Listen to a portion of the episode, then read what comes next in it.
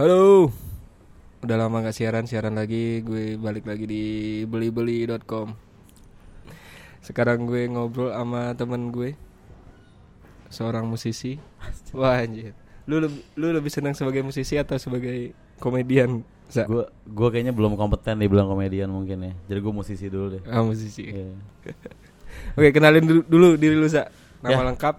Teman-teman gue Ozar Angkuti ya. Gue jadi musisi tuh udah lama tapi kalau di komedian ya gue nih ada kelasnya Bang Agung lah bisa dibilang di Anjay. stand up Indo Jakpus ya. Komunitas paling ekstrim di stand up Indo. Anjay. Ekstrim apa maksud lu? Bukan maksudnya bukan menurut gua, Gung, tapi orang-orang ngomongin tau kayak di ketawa klub gitu. Hmm. Beberapa tuh ngomongin kayak Jakpus tuh ekstrim gitu. Lu kalau mau kalau lu mau ngelatih mental tuh di situ banyak yang bercandain kayak gitu. Karena Karena dianggap susah untuk dapat untuk kawannya ya. Iya, Jakpus dan Jakbar, tapi masih lebih ke Jakpus di antara dua itu. Kalau yang gue dengar-dengar orang ngomong aja Hmm. ya. Iya, gue sih ngerasa juga sih open mic di Jakpus tuh berat banget sih. Iya emang kan. Banyak yang bilang tau. bawa materi kadang ini oh, udah perasaan udah lucu banget materi ini bawa di Jakpus ada yang bilang sama gue siapa ya si Duto apa siapa gitu kayak lu kalau misalkan lu ngebom di Jakpus jangan lu anggap itu jokes lu nggak lucu. Lu lu anggap itu latihan mental aja supaya lu berani Eh. ngebom di tempat lain. Gue bilang oh.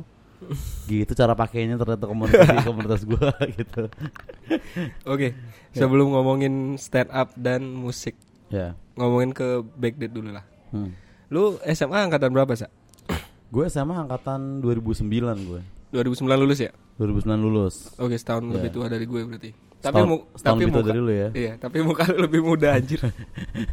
Baby face lah mungkin lah gue iya iya. Eh, lu kuliah ya? Gue nggak gue gue lulus kuliah itu tiga tahun lalu gue 2016 Hmm. gimana proses lu dari se SMA hmm. kemudian lu milih jurusan kuliah. Jurusan lu apa di kuliah? Ah, dulu gue gue periklanan dulu gue di Mustopo kan. Awal-awal periklanan? Ya periklanan. Soalnya Hmm. gue waktu itu gue sempat ekonomi terus gue di drop out waktu itu. Gara-gara? Gara-gara kayak eh, IPK gue nggak nutup gitu. Dan gue tuh milih ekonomi soalnya kan lo tau gak sih kayak misalnya lo SMA terus ditanya kayak kamu passionnya apa? gitu. Heeh. nah terus bapak gue orang ekonomi abang gue orang ekonomi gue pikir kayak oh passion aku ekonomi gitu. Pas gue masuk ternyata gue nggak kuat belajar kayak belajar yang kayak gitu gitu. Angka dan lain-lain. Akhirnya gue di Hmm. DO terus gue masuklah ke periklanan gitu ya. Jadilah ya gue seperti yang sekarang ini. Lu lulusan periklanan? Gue lulusan periklanan. Dan passion lu ketika lu akhirnya kan lu tamat SMA hmm. Anggaplah kuliah ekonomi itu mungkin bukan yang lu banget kan? Ya terus lu itu hampir tiga tahun ya Enggak, gue di ekonomi eh, nggak ada setahun sih sebentar. nggak ada setahun terus pindah ke periklanan Ya. itu lu memberontak Gue eh seperti apa itu kisahnya kisah masuk ke periklanan ya. Hmm. Kayak sebenarnya apa yang menginspirasi lu masuk periklanan yang menginspirasi, gue tuh Hmm. waktu itu kayak jadi pas semenjak gue di ekonomi pun gue udah sering-sering bikin-bikin video gitu. Gue dulu videografer sebenarnya sebelum Videografer. Ya, Hmm. gue udah sering bikin video iseng-iseng, kadang-kadang bikin bantuin kalau teman-teman punya brand gitu, Hmm. ngaguin video. Nah, Terus gue pikir kayak ya satu-satunya uh, ilmu yang menerima yang Skill lu. iya dengan Ah. skill itu bisa kepake sebagai hal positif kayaknya cuman periklanan Gitu, ya. Jadi dan- gue daftar periklanan gitu. dan lu juga ada apa lu emang tertarik di dunia yang ter ada hubungannya sama teknologi berarti ya bisa Iya, dibilang bisa gitu dibilang, nggak bisa dibilang. Mm-mm. Bisa dibilang kayak mu- mungkin bukan di teknologinya tapi kayak ya bikin sesuatu yang bisa orang tonton atau dengarkan gitu-gitu aja sebenarnya gue dan sekarang masih jalan nggak dan sekarang masih berjuang sih sebenarnya tepatnya berjuang. masih berjuang ya. di videografer lu masih berjuang Ah, tapi kalau videografer sekarang gue lebih ke kayak kebutuhan aja gitu. Maksudnya gue gue udah gak, udah gak ada job sama sekali sejujurnya terus dan gue juga jarang bikin. Tapi paling kalau kayak band gue mau bikin teaser atau kayak tempat gue ini mau Hmm. bikin video promo gitu-gitu barulah oke makanan tiba gue pakai lagi skill-skill gue itu. Nah terus oke lanjut aja Sa, sambil makan. Ya. Gak apa nih saya makan ya? nggak apa-apa slow Soalnya ada suara-suara ngunyah sedikit nih Ya, teman-teman. dan Ya, terus. apa namanya di mana lu ketemu sama band lu Nah sebenarnya gue sama band gue tuh teman-teman dari SMA gue ya kan. dari Tapi- SMA lu ngeband ngeband juga eh, dari SMA tuh gue baru kenal mereka Mm-mm. tapi kita belum ngeband gitu baru kenal kenal doang gitu nah kita mulai nge ah, sebenarnya kita ngeband tuh awalnya buat kayak hiburan aja buat kayak ngelepas rasa penat doang gitu. Kan kan lu kita Ngejam, pada- ngejam. iya ngejam gitu belum ada namanya belum ada lagunya terus kita kayak eh eh, ketemuan yuk gue lagi suntuk nih lu gitu gitu mulu. Kayak misalnya vokalis gue lagi suntuk kita ketemuan main band dan dan itu pun di studio juga kita tukar-tukaran instrumen dan ngasal-ngasal aja. Sampai suatu hari Mm. uh, kita memutuskan eh Dep coba ya kalau ngeband serius bisa gak sih? Baru lah coba bikin lagu bikin nama band gitu-gitu akhirnya Lu mencintai musik, hmm. mencintai musik itu ada spesifiknya, ada genrenya atau lu pokoknya tentang musik gue suka lah. Atau gimana? Atau lu lebih Hmm. kan aliran band lu sekarang apa sih metal ya? metal sih me- metal punk ya. tapi sebenarnya gue lebih yang kedua sih gue Se- segala macam genre gue Hmm. suka sih soalnya gue juga ujung-ujungnya gue gue gue suka, suka bikin project-project yang non metal juga gitu terkadang ada yang karam terus gue gue bikin lagi terus ada yang bubar lagi gue bikin lagi terus gitu-gitu aja sih Hmm. menurut gue gitu Band lu tapi band lu tetap satu. dan gue alhamdulillah tetap masih sih sampai sekarang Itu band lu berarti bentuknya pas kuliah. Dan lu sendiri belajar musiknya gue dari kecil. dari Emang ada di lingkungan musik atau gimana? dari gua mm, SMA ya waktu itu Hmm. eh, eh, SMP jadi bapak gue beli dia waktu itu beli beli kayak ada kayak eh, alat peralatan band gitu kayak satu Hmm. satu set dia dapat murah banget itu kayak 7 juta doang tapi kayak semuanya tuh drum gitar segala macam gitu. Nah pas gue masih SMP gue cobain semuanya yang yang paling masuk akal ya cuman drum doang gitu. Kayaknya kalau bagi masih anak kecil kan ya Hmm, yang jelas drum ya di sini tak di sini ting di sini dung kan kalau gitar kan kayak ini apa sih? Kayaknya Sejak usia berapa lu? itu usia gue kayaknya transisi transisi SD ke SMP gitu ya antara kelas 6 sama kelas 1 SMP gitu seingat gue Berarti lu udah aktif ngedrum dari ya waktu gue belajar belajar gue nonton nonton di film-film Hmm. yang ada musiknya gitu gue lihat caranya gimana sih main drum gitu gitu dan orang tua lu ngarahin ngarahin lu banget sih. Maksudnya orang tua tuh seberapa besar pengaruh orang tua lu hmm, terhadap pilihan-pilihan hidup lu? Lu kan kuliah dari kuliah ke ekonomi terus pindah ke perikanan. Kalau biasanya kan orang tua itu sangat otoriter ya, iya. menentukan hidup lu. gue ah, sebenarnya kalau nyokap gue sih dia dia kayak ah, kalau bokap gue sebenarnya emang bebas banget dari dulu selama lu bisa buktiin gitu nah Approve. gue emang waktu gue di do dari ekonomi itu Hmm. gue pengen sok-sok ya ya, ya gue masih muda kan terus gue pengen sok-sok kayak ngapa aku ini wah videografer banget dah anaknya gitu Oh, akan gitu. mengejar karir berat nah tapi eh, eh bokap gue cuma bilang kayak ya udah coba buktiin aja dulu gitu kan nah Mm-mm. Dan memang terbukti emang ya nggak bisa nggak bisa fight ya lu gitu. lu anak umur 19 tahun lu ngerasa lu jago bikin video tapi lawan lu yang udah Senior. bertahun-tahun syuting ke pegunungan mungkin gitu kan sehingga gue kuliah lagi nah kalau nyokap gue yang penting kalau dia tuh yang penting lulus dulu dah gitu yang penting lu Hmm. sekolah tuh sampai tamat habis itu terserah lu mau ngapain sebenarnya lebih, lebih ke situ kalau dia ya nggak ada yang nekenin ah lu cari dokter aja lah ya nggak ada sih untungnya gitu-gitu atau lu jadi PNS aja lah gitu Hmm. Biar bisa kerja sambil main solitre gitu kan. Mungkin juga mereka ngelihat gua seperti apa sukanya gitu-gitu kali ya. tapi ini terus terang lu nggak ada tekanan untuk secara ekonomi lu masih aman aja kan? Sehingga Hmm. soal kuliah lu bisa santai. Lu ada di kondisi itu yang mendukung lu itu? Pada waktu itu sih? Iya jujur ya. Hmm. pas pas gue lagi di do itu gue gue ya gue lagi di di eh, eh, bokap gue di situasi ekonomi yang cukup aman gitu. Bahkan lumayan aman banget sehingga guanya jadi lumayan lumayan tai sebenarnya gue kayak kayak gue dulu lu tuh mencampakkan ya? Ya enggak gue kayak anak manja yang kayak ah ini tidak sesuai passion yang tai tai gitu. Oh. nah sampai suatu saat bokap gue ya terus terang dia turun juga gitu pada ujungnya. Mm. dan di situlah gue baru kayak ngeliat oh iya ternyata tuh ya bu- bukan cuma tentang lu nyaman apa enggak doang anjing gitu. Nih kita harus survive gitu. Nah makanya gue sekarang ya Iya, iya. Makanya kenapa gue masih ada waktu untuk kayak bikin podcast atau kayak ngeband atau apa namanya itu karena gue juga ya yang jualan gue itu dengan setelah gue ada itu barulah gue bisa bisa Punya dengan waktu. tenang lakuin yang gini-gini Mm. gitu Oke, SMA, musik, Hmm. terus dilema lu sama orang tua yang ngebentuk lu sampai sekarang. ya Terus lu juga buka bisnis akhirnya sekarang. ya benar videografer lu ilmunya lu bawa tapi Ke- untuk kerjaan Iya. akhirnya lu terjun ke ekonomi juga walaupun Iya benar Kuliahnya juga sih. nggak- Iya benar juga sih, benar juga sih. karena survive demi survive kan. Iya. Lu ada penyesalan gak sih kenapa gue nggak nggak lanjutin ekonomi aja dulu gitu? Justru penyes- penyesalan gue adalah ya kenapa gue nggak langsung kayak gini dari dulu gitu gue. Misalkan gue Berbis- mulai bisnis mulai dulu. bisnis langsung mulai ngeband juga langsung mulai open mic juga lebih cepat gitu ya kan mungkin Ya, itu di, maksudnya kayak yang gue sesalkan adalah dulu gue terlalu banyak buang waktu. iya gue terlalu manja untuk mikir kayak kayak mungkin ya apa ya maksudnya Hmm. mikir gedenya adalah ya hidup tuh akan mem- kayak memahatkan jalan untuk kita gitu bahkan kita harus nyari sendiri kita harus keluar dan nyari itu sendiri gitu Penyes- penyesalan gue tuh adalah di situnya gue nggak nggak Hmm. Gue tuh siapa dan gue tuh maunya apa lebih cepat dibanding sekarang aja sih sebenarnya Mm-mm. gitu sih Lu buka kedai kedai apa sih? Apa? apa? kedai dimsum Dimsum Hmm. di daerah Ben Hill ya? ya itu pun sama ya jadi gue Gimana itu ceritanya? di waktu gue gue lulus kuliah gue ngantor tuh Mm-mm. nah Ngantor di, Di- bidang apa? gue ngantor di sesuai periklanan gue dulu video editor di production house di Sleepy kan Mm-mm. gue kreatif nah habis itu gue eh nah waktu itu emang alhamdulillah band gue lagi lumayan lumayan kenceng tuh gung jobnya Ada Gitu job kan. ya. lagi lumayan kenceng nah sehingga Iklimnya juga mendukung apa lu ngeband ya. Iya orang tua gue juga udah mendukung Tahun berapa sih itu? 2015-an kali ya?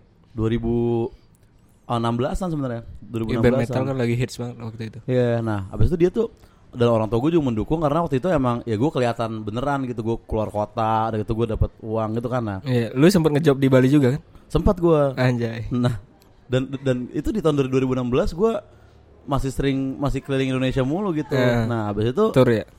ya itulah ya kayak gue kayak lagi-lagi gitu dan gue ngerasa pada waktu itu juga lembur gue gila banget di di di PH tuh parah gitu. Hmm. Dan- Akhirnya lu keluar dari PH. Gue keluar gitu soalnya dulu kayak gue ngeliat teman-teman gue juga pada lembur tapi lu pada ada uang bonus gue cuman kayak kata bos gue kayak kalau lembur di sini bebas pesan makan apa aja gue kayak ya apa duit orang mah gitu makan mah gampang gitu nah sehingga gue resign dengan pemikiran klise lagi-lagi kayak apa aku mau menjadi full time musician gue bilang gitu aku, aku mau full time bermusik gitu Mm-mm. Nah, ternyata setelah itu kayak ya eh, tidak lagi seberjaya masa-masa tadi band gue. Ketika lu mutusin keluar malah bandnya juga iklim iklim iklim aliran lu ya yang Iya yang dan turun. sebenarnya bukan salah trennya sih, gue emang band guanya aja yang kayak kita dulu lebih rajin dibanding sebelum fase naik itu gitu. Jadi mungkin kayak Mm. semi-semi sindrom kecil kayak kalau udah naik terus teman-teman gue ngerasa dan guanya pun kayak ngerasa udahlah jalan terus gitu tanpa kita ngeh bahwa ya kalau kita nggak bikin lagu terus nih tetangga tuh pada bikin yang lebih keren lebih keren setiap harinya tuh selalu ada muncul band yang lebih mantep gitu Padahal secara iklim masih masih jalan ya. Maksudnya masih sebenarnya tren musik event iya ev- event tuh masih ada terus ya buat aliran lu. ya? gue yakin sebenarnya sebenarnya rakyat pendengar dan Hmm. tren tuh nggak bisa disalahin sih kayak enak ya enak aja lagu lu keren ya keren aja gitu nah setelah gue resign itu uh, adek gue kebetulan udah jualan dimsum di kampusnya terus bokap gue bilang kayak udah Masih sih, jualan online apa gimana? pada waktu itu dia, dia kayak nitip nitip sama tenan kantin doang gitu kan Jadi bikin terus di Iya. ditip. Ah, sebenarnya bikin juga konvensional lah. ya dia kayak dia kayak beli dari vendor yang jauh gitu Oh, terus ya udah di di Diolah dia. dikonsepkan doang dikonsepkan istilahnya lu nge-branding aja lah ya. Iya sebenarnya kayak gitu. Hmm. Nah setelah itu barulah kata bokap gue kayak dia ya ngomong secara halus bahwa kayak tuh kan lu lu lu nggak bisa ternyata kalau ngeband doang mendingan lu jualan aja dah gitu. Akhirnya buka. lu. Sekarang buka masih kayak gitu? Eh, Nge-branding doang atau udah buka? oh, sekarang sih Toko. kita masih masih beli dari supplier tapi kita improv improv beberapa menu resepnya kita improv improv. Enggak, maksudnya secara penjualan. Lu masih nitip atau udah ada Hmm, tokonya? Ya dulu mak. Sekarang ujung-ujungnya ya gue adalah si supplier gue paling gede tuh lewat gue penjualannya dia gitu. Penjualannya Hmm, lewat lu. jadi ujungnya gue partneran sama si supplier itu. Mm, mm, mm. Dan udah ada kedainya berarti ini. Udah udah. Hmm, Baru satu tapi. Tadi se- se- sebenarnya sempat ada sempat ada empat ya. Empat. Ya- Yang yang dua tuh booth, yang dua tuh kedai gitu. Cuman sekarang dua tutup jadi tinggal satu kedai utama sama satu booth kecil di di Kelapa Gading ada. Karena ini ya. Belum Mm-mm. yang nge-manage di tempat lain belum Iya betul betul. belum betul. bisa lu percaya pasti. Ya betul betul lu lu bisa menebak gue kendalanya di mana ya tanpa gue cerita clue apa pun tapi lu bisa Ya, langsung gue rasa sih gitu masalahnya masih. Maksudnya terlalu cepat lah. Lu kan baru mulai dinsam tahun berarti kan ya ya, Ya. analisis gue aja sih waktu dengan cepat terus bisa buka empat kedai itu terlalu terburu-buru pasti memang. manajemennya pasti agak kacau sih. terlalu terburu-buru. Sul- sulit kali bisnis tuh yang paling sulit itu adalah mencari orang kepercayaan coy. Emang Karena di dalam bisnis nggak ada yang bisa lu percaya. iya sus- susah gue banget. rasa sih itu sih prinsipnya. Kayak gue gak nyangka dibanding semua susahnya teori dan Mm. kontrak dan lain-lain ternyata ujung-ujungnya yang paling berat itunya lagi lo kayak orangnya lagi gitu. Iya. Ujung-ujungnya gila. Lu berupaya apa pun dengan klausul kontrak kalau orangnya udah nggak bisa lu percaya ya bisa aja dia kabur kan mengkhianati kontrak. Iya makanya Bodoh amat masalah kontrak. berat banget asli. Oke. Terus dan sekarang nih setelah akhirnya berarti sekarang keadaan lu, keadaan ekonomi lu tertopang utama dari restoran tuh, Iya.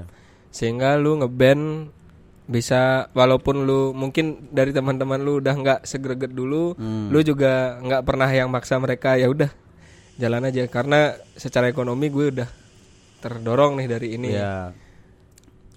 Tapi kemudian lu beralih ke komedi itu gimana ceritanya? Soalnya kayak Apa yang membuat lu tertarik banget dengan komedi? Soalnya Kayak, kalau hmm. jujur nih dari, dari luar nih gue ngelihatnya, lu tuh eh, kayak masih ing, lu lu begitu tertarik dengan sorry to say popularitas dan Hmm. kelihatannya lu pengen banget mencapai itu gitu. mencapai ketenaran gitu. Iya ya. iya. Heeh. Ya sebenarnya gue gue nggak nggak munafik juga dan bilang gue nggak mau terkenal ya kayak gue Iya, pengen terkenal gue dan Hmm. dan gue bukan pengen terkenal karena gue pengen kayak ah gitu. Cuman kayak gue tuh pengen gue pengen didengar gitu nggak sih lo? Kayak Eh, gue pengen ketika iya, gue iya, iya, nge-tweet atau ketika gue ngupdate Instagram tuh ada yang nonton gitu. Kayak makanya setiap teman gue ngajakin gue bikin project atau channel YouTube gue Hmm. bilang kayak ini tapi ada yang nonton gini gue bukannya bukannya gue Hmm, hmm. matre tapi bikin konten tanpa tanpa fanbase tuh nggak seru masalahnya gitu bukan masalah duitnya gitu Iya iya. IP lu belum punya, fame fame Iya. belum punya juga. Maka dan dan biasanya Hmm. teman-teman gue bilang gue fake kan kayak ah bohong lo gitu. Nah, tapi ya mungkin mereka percaya ketika, Hmm. ketika gue bikin podcast tuh kayak itu kan ya udah yang gue gue cari tuh cuman cuman wave-nya aja gitu. Gue Hmm. pengen ngeliat orang gue senang ngeliat orang bereaksi sama hal yang gue bikin. Gue punya kebanggaan di situ gitu. Iya iya. Dan uh, gue ikut stand up gara-gara kayak ya gue ngeliat orang-orang stand up di Hmm. YouTube gitu Indo dan luar dan gue ngerasa kayak gila ini skill yang maksudnya nih ini challenge banget nih bisa kayak gitu kayak Iya iya. band kan ibaratnya kita menghibur dengan kayak sejuta partikel kita sound dan konsep dan backdrop sedangkan kalian cuma satu mic kayak gini doang gitu Modal otak doang iya bisa speak speak out bisa lah speak out dan yang kalau lu merasakan gitu ya atau kalau memperhatikan Hmm. gitu ya gue bikin acara musik gitu misalkan gue ngundang 5 band yang bayarannya itu Hmm. Range 5 juta sampai 10 juta semua Hmm. gue bikin di cafe yang sewanya 6 juta setengah Hmm. gue jual tiket 65 ribu Hmm. orang tuh komen mahal mahal banget nih gitu Sedangkan di stand up sedangkan stand up di Ketawa Comedy Club satu orang ngoceh sejam doang hmm. 200 ribu tuh sold outnya 15 menit gue bilang kayak kok gini ya dan setelah gue sadar kayak karena emang yang di sana lebih sulit gitu sejujurnya mungkin ya pada Eh, ujungnya walaupun iya. mungkin relatif gitu ya Hmm. lebih ke situ sih dan perpindahan lu kan maksudnya bukan perpindahan sih Kayak pengawalan gitu ya Iya. Ketertarikan lu ke stand up kan itu mungkin karena lu pengen speak up dan lu ada keresahan yang pengen lu sampein gitu kan. Iya. Apa sih keresahan yang lu pengen sampein utamanya lah? Da- dan ya selain selain selain itu juga gue Mm. gue sempat ngerasa kayak oh, gue udah tongkrongannya lucu gitu ya maksudnya ini ngerasa ngerasa sebelum kenal stand up ya Mm-mm. Kayak gue di band tuh gue yang bikin pada ngakak. Gue kayak kayak gue dari SMA tuh udah bikin ketawa sekitar Hmm. gitu. Di, di sepupu gue pun gue yang bikin ketawa mulu gitu. Nah gue pikir kayak Oh, sense of humor. iya nah, nah, terus gue pikir wah gue lucu nih gitu. Tapi setelah gue ikut open mic kayak oh ternyata tidak ada artinya semua itu. Gitu. Intinya komedi itu bagi lu bukan sekedar nyari popularitasnya aja lah. bukan makanya Nah, gue karena Mm, lu merasa lu punya sense of humor dan cara melampiaskannya adalah ya ini salah satunya di stand up comedy mungkin. iya Mm. dan gue pengen aja gitu maksudnya segala macam opini atau misalnya kesedihan gue tuh bisa menjadi sesuatu yang ada gunanya bukan hanya menjadi kenangan buruk aja gitu Ibarat kalau kering kalau hal hal ininya ya Hmm. hal emosional sih kayak gitu kayak gitu Nah, kalau sendiri gue nih boleh nanya balik gak sih nih Boleh, boleh, boleh. Nah, kalau lu sendiri gimana lu kan lu kan perantau ya Ah, iya perantau. nah tapi lu kok sekarang di sini dan lu Hmm. punya day job dan lu ya open mic juga dan di Jakpus gitu tuh kayak Pertama- apa yang terjadi Kalau gue karena gue emang orangnya demen ngoceh, Mau ngoceh demen ngoceh terus ngikutin stand up juga dari 2010. Maksudnya dari awal terbentuknya stand up itu gue udah mulai ngikutin. Dan gue pengen pengen populer juga, nggak ada aib juga, gue pengen populer. Maksudnya ya, ya. lu lu mengakui itu gitu Ah, maksudnya gue punya opini dan orang mesti mestinya bisa dengerin opini gue gitu. loh. Iya iya iya. iya. Karena di stand up gue itu gue nggak sekedar menyampaikan hal lucu tapi juga tentang apa? Ada Opini opini, lu, gue ya, yang gue sampein lu. di sana gitu. Lu tuh tipe orang yang lebih pengen menyampaikan keresahan lu atau opini lu dalam stand up? Kan kayaknya terbagi agak terbagi dua ya kalau gue lihat di komunitas ya. Ah. Kalau gue sekarang sih eh, opini kayaknya kalau gue lihat di open mic open mic. Iya, ya. kalau gue lebih ke opini gue. Karena gue keresahan gue terus terang aja gue dari awal itu emang lebih ke seneng yang ke arahnya Panji. Walaupun so, Radit lucu bagi gue, lucu, fun, it's fun. Tapi itu kan eh apa? Menurut gue ya udah gue ketawa aja gitu. Sedangkan gue nonton Panji, nonton Adriano, nonton Iya, setuju sih, si apa sih namanya? Gilang ya. Gilbas. Kalau Gilbas kan observasinya ya. Hmm. Maksudnya opininya tentang sesuatu yang unik. Ada pesan sosialnya. Si Kayak semi gitu ya. Semi Ya, ya, ya. ada sih. Sih? Siapa sih namanya yang Orangnya kayak gimana? orang timur? Ah, selain hari keriting? Hmm, Mamat.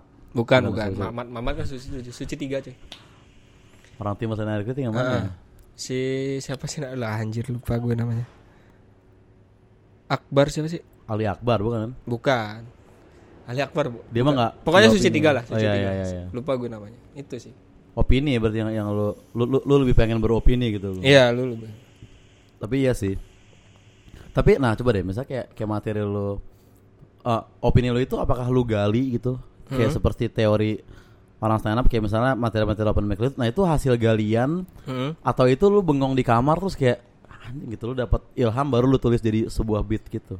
Proses penulisan lu. ada beberapa yang gue opini maksudnya orang beropini itu kan pasti dia karena menangkap sesuatu kan Iya. menangkap sesuatu dari sebuah keributan kan dan gue eh, sangat perhatian sama namanya politik kan Oh. Dan- maksudnya nggak tahu kenapa ya pokoknya gue sering ke distract sama hal-hal yang berbau politik lah pokoknya dan itu juga yang Itu mendistract lu ya politik ya. nah, politik politik sangat Ah, ke distract gue ah.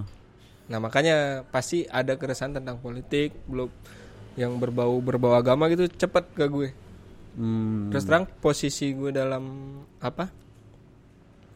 Maksudnya ag- eh, agama ini kan maksudnya hal yang paling lu kalau gue bilang di Indonesia ini sekarang itu paling lucu untuk dibicarakan gitu. agama ya, iya. sebenarnya. Hmm, iya sih. Cuma ya Pak resikonya ya paling besar karena sensitif banget gitu. Iya iya iya iya. Dan gue pengen gimana gimana caranya membawakan ini sebagai komedi tapi masih tetap masih tidak- tetap ini ya. ah, Masih yang kayak tetap ada opini dan lucu dan kayak ya nggak menyinggung siapa pun. eh, Tapi susah pasti nggak untuk nggak menyinggung kan susah. susah susah dan dan Hmm, juga lu lu lebih puas ketika materi lu lucu banget atau materi lu yang kayak bikin orang kayak ah, maksudnya agak lucu tapi kayak oh iya ya.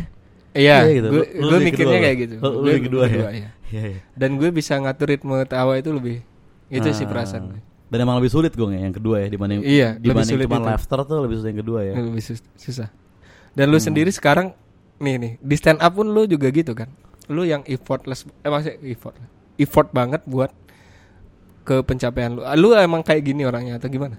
gue lumayan kayak gini sih dan dan gue tuh ini gue juga nggak maksudnya kayak kayak teman-teman gue gitu ya maksudnya nggak semua tapi beberapa teman gue tuh kayak gue bikin apa aja tuh kayak dihakimin aja gitu kayak gue gue ngeband terus mereka ngecengin terus gue stand up kayak wih komika nih digitu-gituin Hmm. mulu gitu nah itulah yang sebenarnya itu salah satu motivasi gue yang utama dari dulu setelah Hmm. yang gue baru sadar akhir-akhir ini gitu ya sebenarnya Maksudnya lu di band juga termasuk sukses kan Di, di band gue juga event banyak Iya. Nah, tapi teman-teman gue yang ngatain gue ini kayak sebelum band gue jadi kayak gini dia ngerasain kayak mungkin ibaratnya setahun atau dua tahun di mana band gue belum ke mana-mana dan itu jadi kayak arena dia untuk ngehina sepuasnya gitu. Dan setelah band gue jadi ini dia kayak ya udah kayak nongkrong biasa. di Bali lu ev- event apa sih Di Bali gue sondenan waktu itu. Festival. Anjay. tahun berapa itu Gue tapi sebenarnya gue sondenalin tuh karena bukan bukan diundang ya, tapi band gue menang lomba yang Hmm. memberangkatkan band ke sana memang. Jadi gue gue main di 16, gue menang terus di 17 gue main lagi sebagai pemenang yang di tahun 16-nya gitu. Hmm. Adrenalin. Nah, tapi itu dia kayak pasti adrenalin tuh kita bentrok sama efek rumah kaca rundown ya kan. Hmm. Jadi efek rumah kaca baru pulang dari New York, Kolil. Dia di stage bawah, kita di atas gitu. Jadi itu bener-bener kosong melompong parah gitu. Terus pas gue ngeliat di Instagram kayak RK pecah banget bahkan Hmm. teman SMP gue pun dia di efek rumah kaca juga sialan. gitu dan loh. untuk aliran musik sendiri Heeh.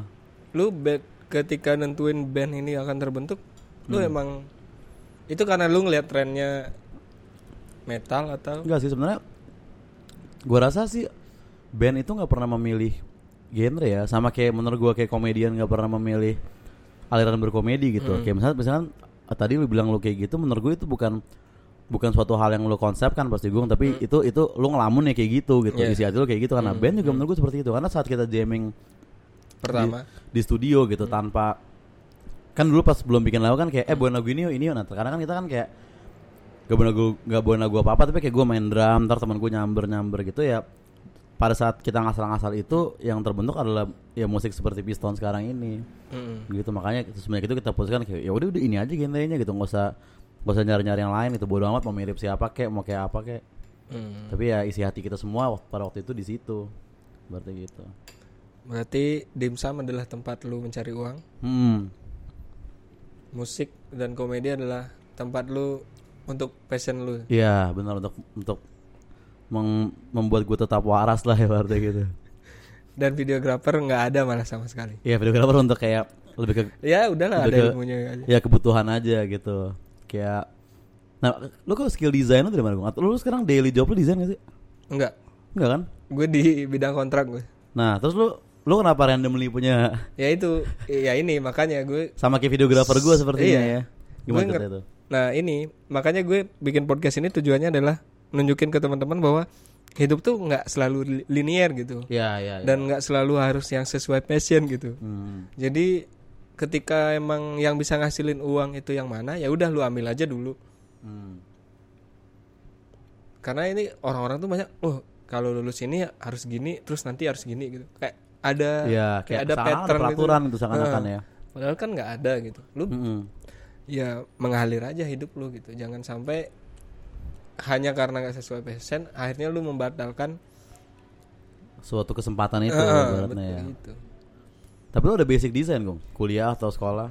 gue emang dari kecil pelukis ya Oh gitu. orang tua gue pelukis lingkungan gue juga lingkungan kalau di Bali ya emang hampir semua lingkungan di Bali itu pasti punya lu gue bi- bisa bilang 6 dari 10 orang Bali itu pasti pelukis cuy. Ya seni banget pasti. ya? Bukan seni banget sih maksudnya ada di lingkungan itu Iya iya iya. iya. dan Lu lu mulai for good di Jakarta tuh tiga tahun lalu tiga tahun lalu ya. Itu karena urusan pekerjaan atau? kerjaan gue sebelumnya di Kupang terus ke Jakarta Oh tapi keluarga lu masih di. di Bali Oh. Ya ya ya. ya, dan ya, di ya. Jakarta gue ketemu ketemu ya itu ketemu teman-teman yang ya kalau di kampung tuh kan pilihan kerjanya tuh dikit ya. Yang namanya kerja orang di kampung tuh orang sibuk pasti sukses nih. Sibuk sama sukses tuh selalu disamakan kan. Terus ada lagi Anjir. maksudnya di kampung tuh eh padahal kan secara potensi itu kan bertani itu adalah potensial kan. Tapi nggak ada satu orang tua pun yang mengizinkan anaknya untuk punya berta maksud eh, punya passion di dunia itu gitu. Malah diarahkan ke yang lain gitu ya contohnya gue gue gue gue sendiri aja ngerasa sekarang wah padahal kan gue punya potensi di kampung maksudnya kenapa kenapa orang tua gue mengarahkan gue untuk pekerjaan ke yang Wah, secara pendidikan lah secara lain kenapa kenapa nggak dibilang nih nanti potensi untuk nyari uang lo di sini gitu. Iya ya benar juga ya. Ya Lu mal- gitu. malah ke sana tuh kalau lu kerja di luar kampung tuh udah pasti sukses gitu Eh, iya, iya. nggak juga gitu Iya, ya enggak. tapi berarti kalau tiga tahun lalu berarti kan lu lu pin- lu pindah ke sini ketika lu udah dewasa lu udah gede gitu Iya, maksudnya. iya. nah itu lu kayak gimana sih ngelihat kota kayak gini setelah lu eh, tapi lu di Bali di daerah yang Di kampung gue.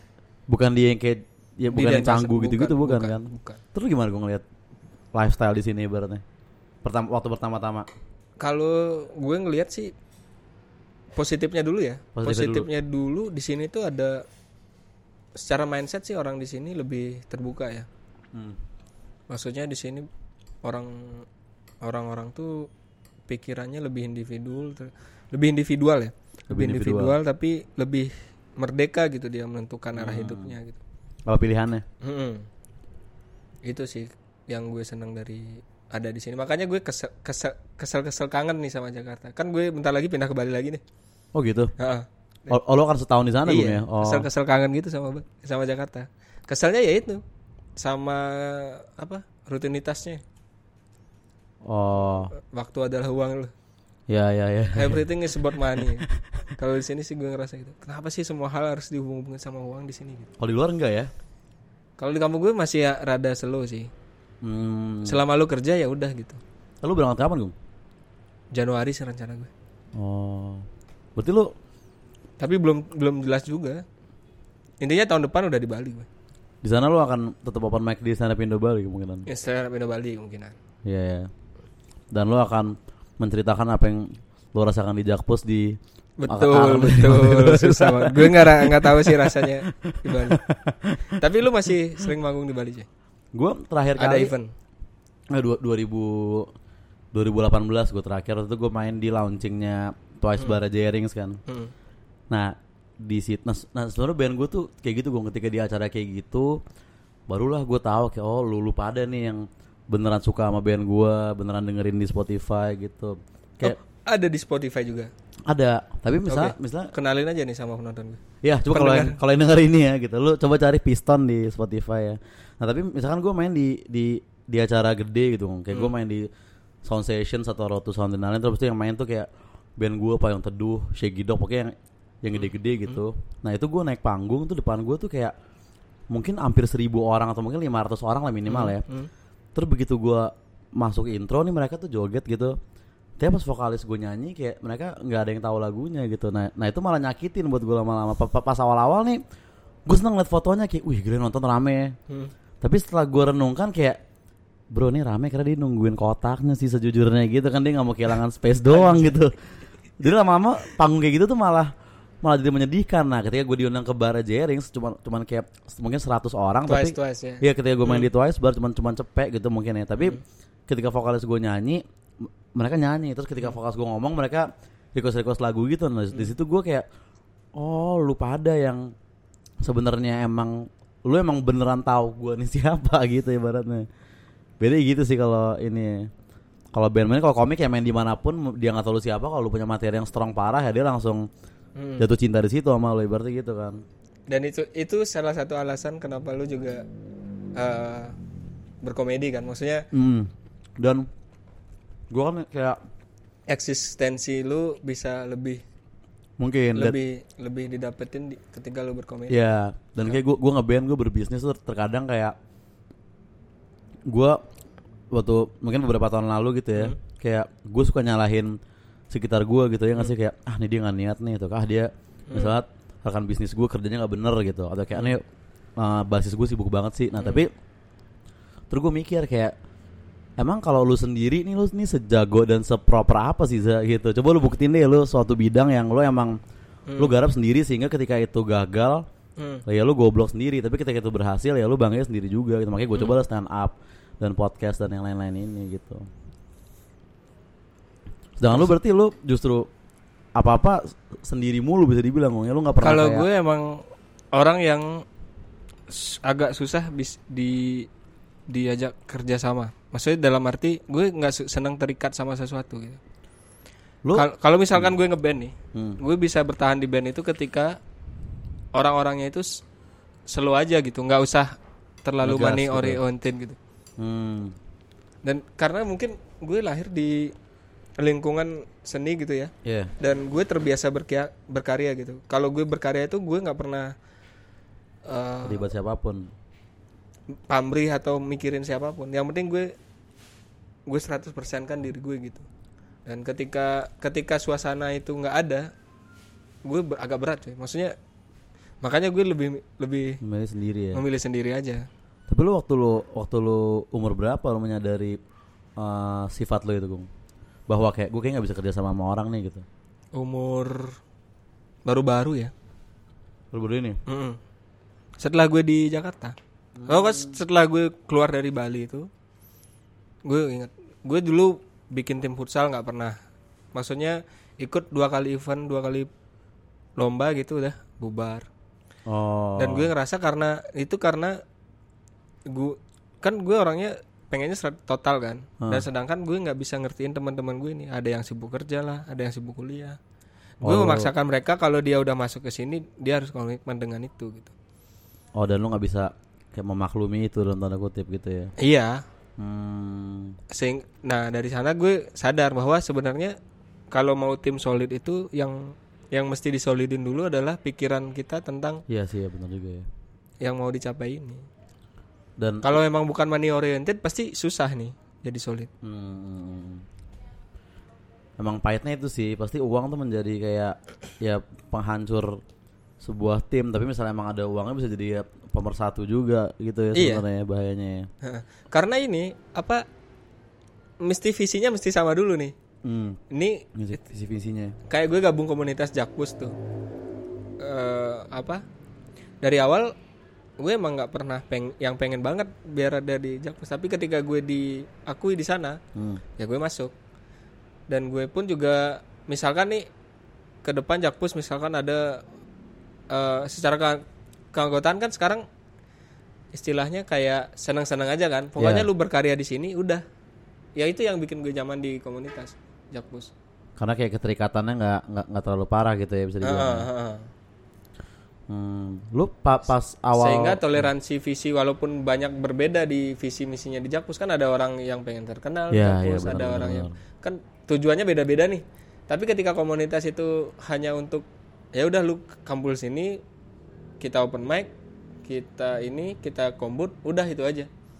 ya semuanya satu satu visi dan satu dimensi gitu ibaratnya. Eh, maksudnya kita bisa mencari hal yang seder se- tu- pokoknya tujuannya cuma open mic dan kombut. Kalau lu pengen tumbuh di sini silakan gitu. Jadi nggak ada nggak ada yang ngarahin lu lu kalau masuk komunitas ini nanti harus jadi terkenal gitu di sini, jadi nggak ada tujuan bersama yang ngikat gitu loh. Fungsinya berarti maksud lu ya? Eh, sehingga komunitas ini kan nyaman gitu loh. Ya ya ya ya ya. Lu waktu itu berapa waktu berarti lu 2017 17. di invite pertama kali tuh ya. Enggak, di invite pertama kali dulu baru-baru ini cuy. 2019. Oh gitu. Lalu selama ini Selama ini gue open mic aja. tanpa di invite ke grup gitu. Iya, gue tahu cuma Avos doang. Oh gitu lu lu Mm-mm. lu nggak nggak pernah kayak dimintain WhatsApp-nya sama apa untuk dimasukin ke grup itu dulu.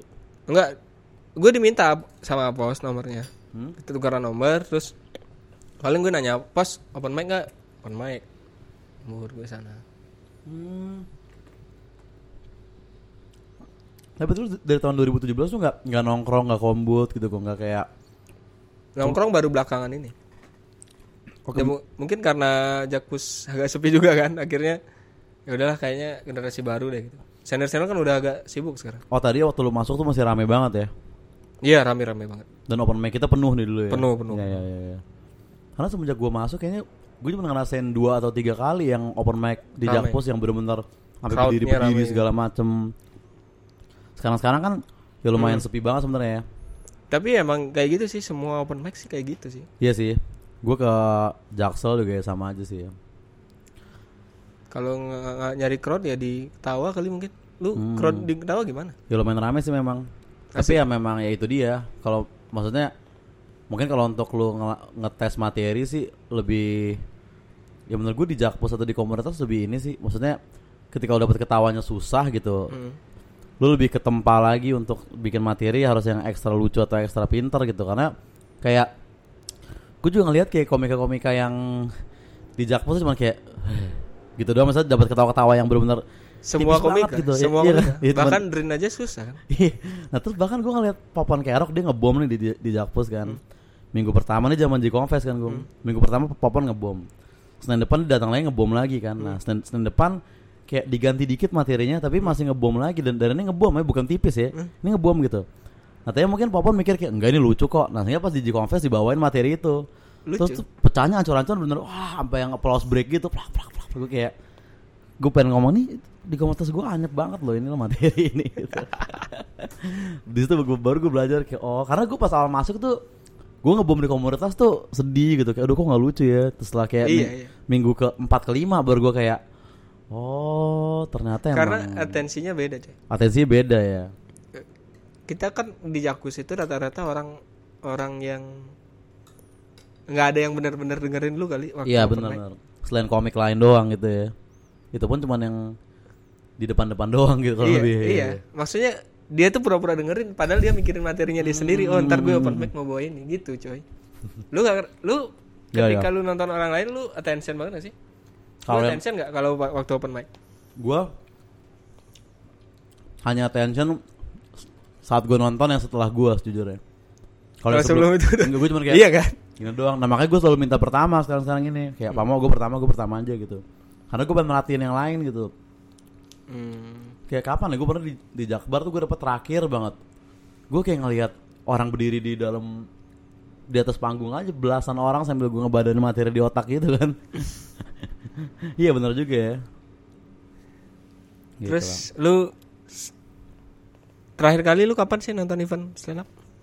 Stand up gue yang yang ini yang selain diketawa lah ya. Hmm. gue itu event stand up gue nonton Uus. Uus tapi di di ketawa gue nonton. Lu ngefans sama Uus secara komedi atau secara personal? Se- secara iya juga ya benar juga ya lu lu itu hal yang lu- berbeda ya iya lu sempet bilang kalau waktu ini kan gue denger lu di arena bilang kalau rujukan stand up lu adalah Uus Uus, sekarang, iya. apakah lu seneng makanya gue pikir lu seneng Uus karena personalnya atau, Atau komedi, komedinya ya. tapi kayaknya komedinya sih bisa dibilang karena tapi karena mungkin gini gue gue nggak tahu deh sebelum gue Hmm. bergabung tuh apakah Uus off airnya udah yang kayak gitu gitu mainnya Hmm. atau dia baru-baru ini aja soalnya kan ya gue ngeliat Uus ya di di di YouTube dan TV doang dulu gitu. Dan yang gue liat Hmm. dia ya ya abang-abang plesetan doang gitu. Cuman kayak Hmm. ini ini tuh ini gitu gitu doang kan. Nah habis itu setelah gue liat off air gue jadi kayak ngefans ngefans banget. Ta- tapi sebenarnya gue baru liat dia off air tuh di di J Confess doang gung. Tapi Hmm. kayak itu kayak pecah habis. Dia kan dia main beberapa kali tuh parade komika dia nge-MC Hmm. roasting Ria Ricis apa youtuber dia nge-MC terus dia s- pada komik hari kedua dia tampil kan. Nah, di situ gue ngeliat kayak gila ternyata us kayak gini ya kalau lagi nggak ada kamera lagi nggak ada nggak ada nggak ada YouTube ternyata dia nah terus, nah, terus gue mikir kayak berarti ini nih maksudnya ya isi hati dan otak dia yang sebenarnya ya itu. yang di sini gitu. Berarti lu lebih lebih ke personal kan? Mungkin ya sebenarnya ya, lebih ke personal bukan bukan cara dia Karena- nulis berarti gitu ya. Eh, karena menurut gue kalau gue kalau gue ngeliat kalau gue ngeliat Uus materinya pasti bikin ketawa karena maksudnya komedi komedi yang sangat komedi instan gitu ya iya, bukan instan sih maksudnya emang patah banget gitu ya ya dan ya, ya. merangsang otak lu udah langsung ketawa aja udah Hmm, udah slack aja langsung di otak dengan kata-katanya dia semua nah kalau gue ngefansnya ke personalnya dia ya ya ya ya yang apa adanya yang nah kayak kalau bla bla kalau gitu ya. urusan komedinya gue ketawa kalau nonton dia tapi gue bukan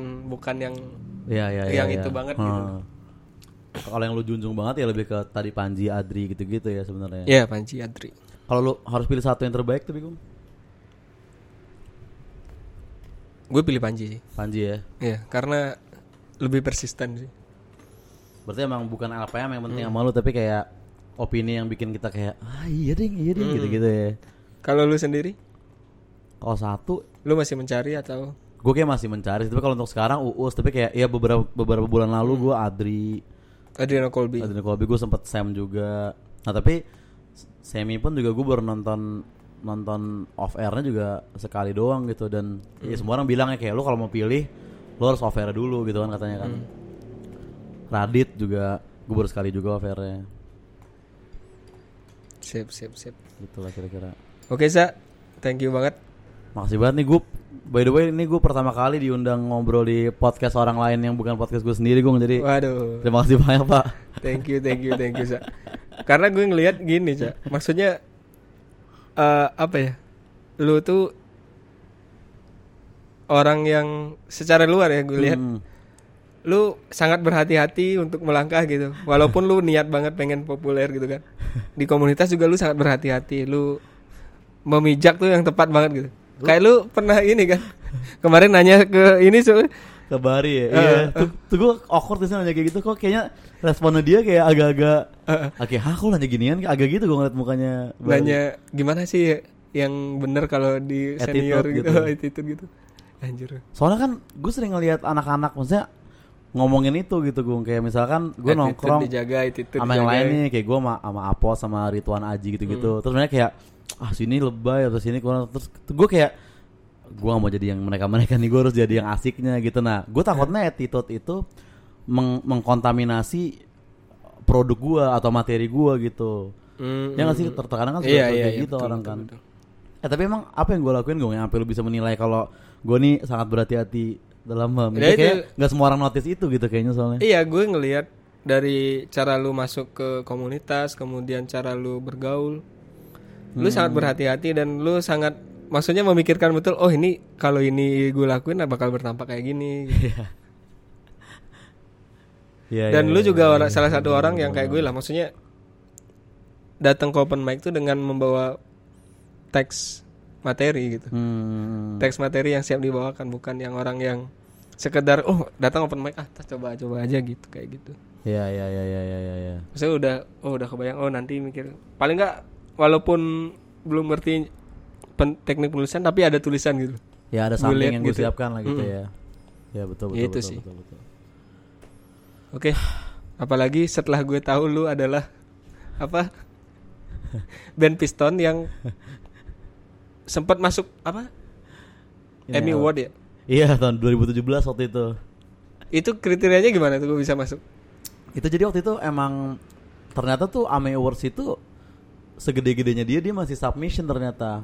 Jadi yang kita nggak tahu tuh selama ini tuh ada transaksi antara label dan AME Awards kayak nih tahun ini gue ngirimin ini aja nih Afgan, Agnes, bla bla bla bla Oh lu gitu. di label emang. Gue di waktu itu kan label Sepsis Records dan Lawless Records kan. Oh Lawless. Iya, nah, tapi- si itu.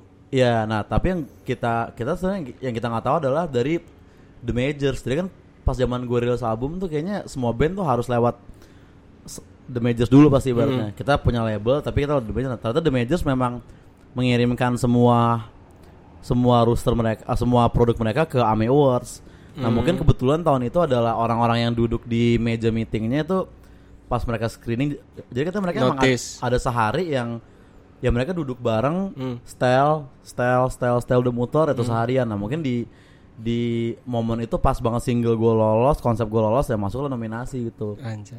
Gokil. lumayan luck juga sih itu sebetulnya Oke, semoga di komedi juga amin lah amin karir lu sesukses di amin amin amin Musik. amin amin amin dan bisnis terutama. terima kasih banyak gue ngadi Oke, thank you. undangan ini Tai kalian semua.